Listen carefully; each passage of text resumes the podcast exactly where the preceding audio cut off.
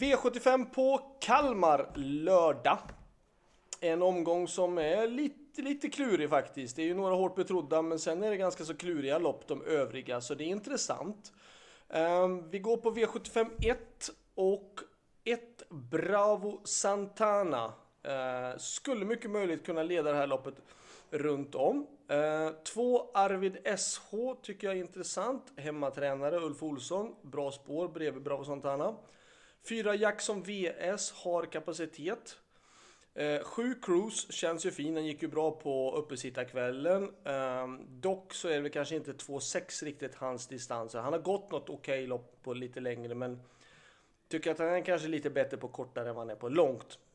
Sen då, eh, om man nu ska ta med ett, kanske ett lyxstreck, kanske, kanske, men om man ska ta med då i sådana fall en häst till så är det i så fall nummer 12, First One In.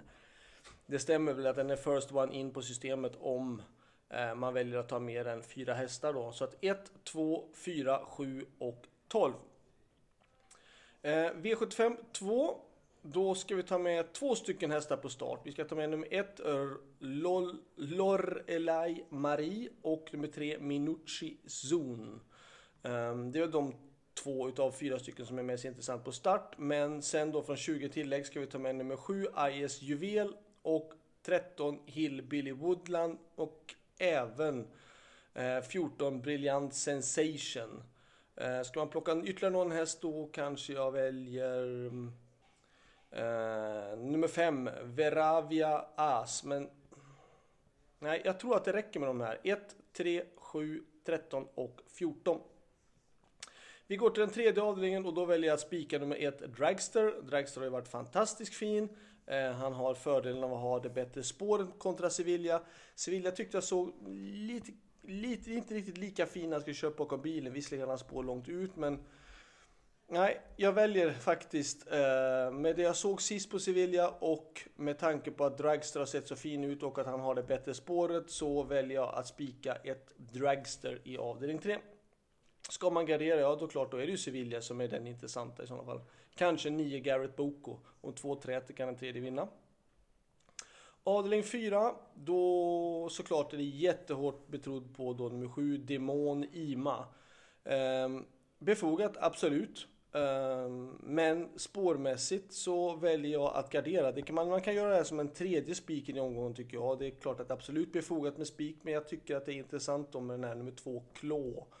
Klo Klå med Kim Eriksson har ett bra utgångsläge. Skulle kunna leda loppet runt om och kommer säkert försöka bjuda upp till match i alla fall mot nummer 7 Demon Ima. Eh, V75 5 väljer jag däremot istället att spika. Eh, då går jag på Johan Untersteiner istället där loppet. Jag tycker att i avdelning 5 då nummer 3 Fortune Meras. Ska man inte spika Fort, Fortune Meras då blir detta ett väldigt, väldigt dyrt lopp. För att det är många hästar som har som går bra på distansen och som har intressanta lägen och det ena och det andra. Ett Sir Henry P Hill kanske, fyra Panamera. Ja, sju Hero Bok har gått bra. Um, nio Staro Leonardo. Det, det, det, är ganska så öppet lopp om man inte väljer att spika eh, nummer tre avdelning fem. Avdelning 6 ska vi plocka med mer streck. Det här får bli det dyra loppet. 1. Eh, Dolly Dream skulle kunna leda loppet runt om. 4. Orlando Eh, har gått jättebra. 7 Beluga Väst är bra. 8 eh, No Limit Queen bedömer jag som stallets bästa chans på omgången. Eh, vi slänger på 4, men jag tycker hon har varit ute och mött tuffa hästar varje gång. Och jag, ska, jag säger inte att hon går ner i klass, för det gör hon absolut inte. Men hon har varit ute mot årgångsloppen hela tiden och nu möter hon lite, lite lättare motstånd. Ehm, 10 Lyx Håleryd och 15 Ultra Bright. Så att 1, 4, 7, 8, 10 och 15.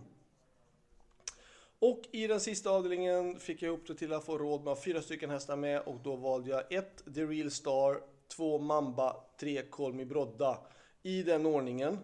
Och väljer även att lägga till då nummer 6 Intern, Internial, Inertial heter den ju. Oj, Inertial. Ehm, tar jag som fjärde häst i det här loppet.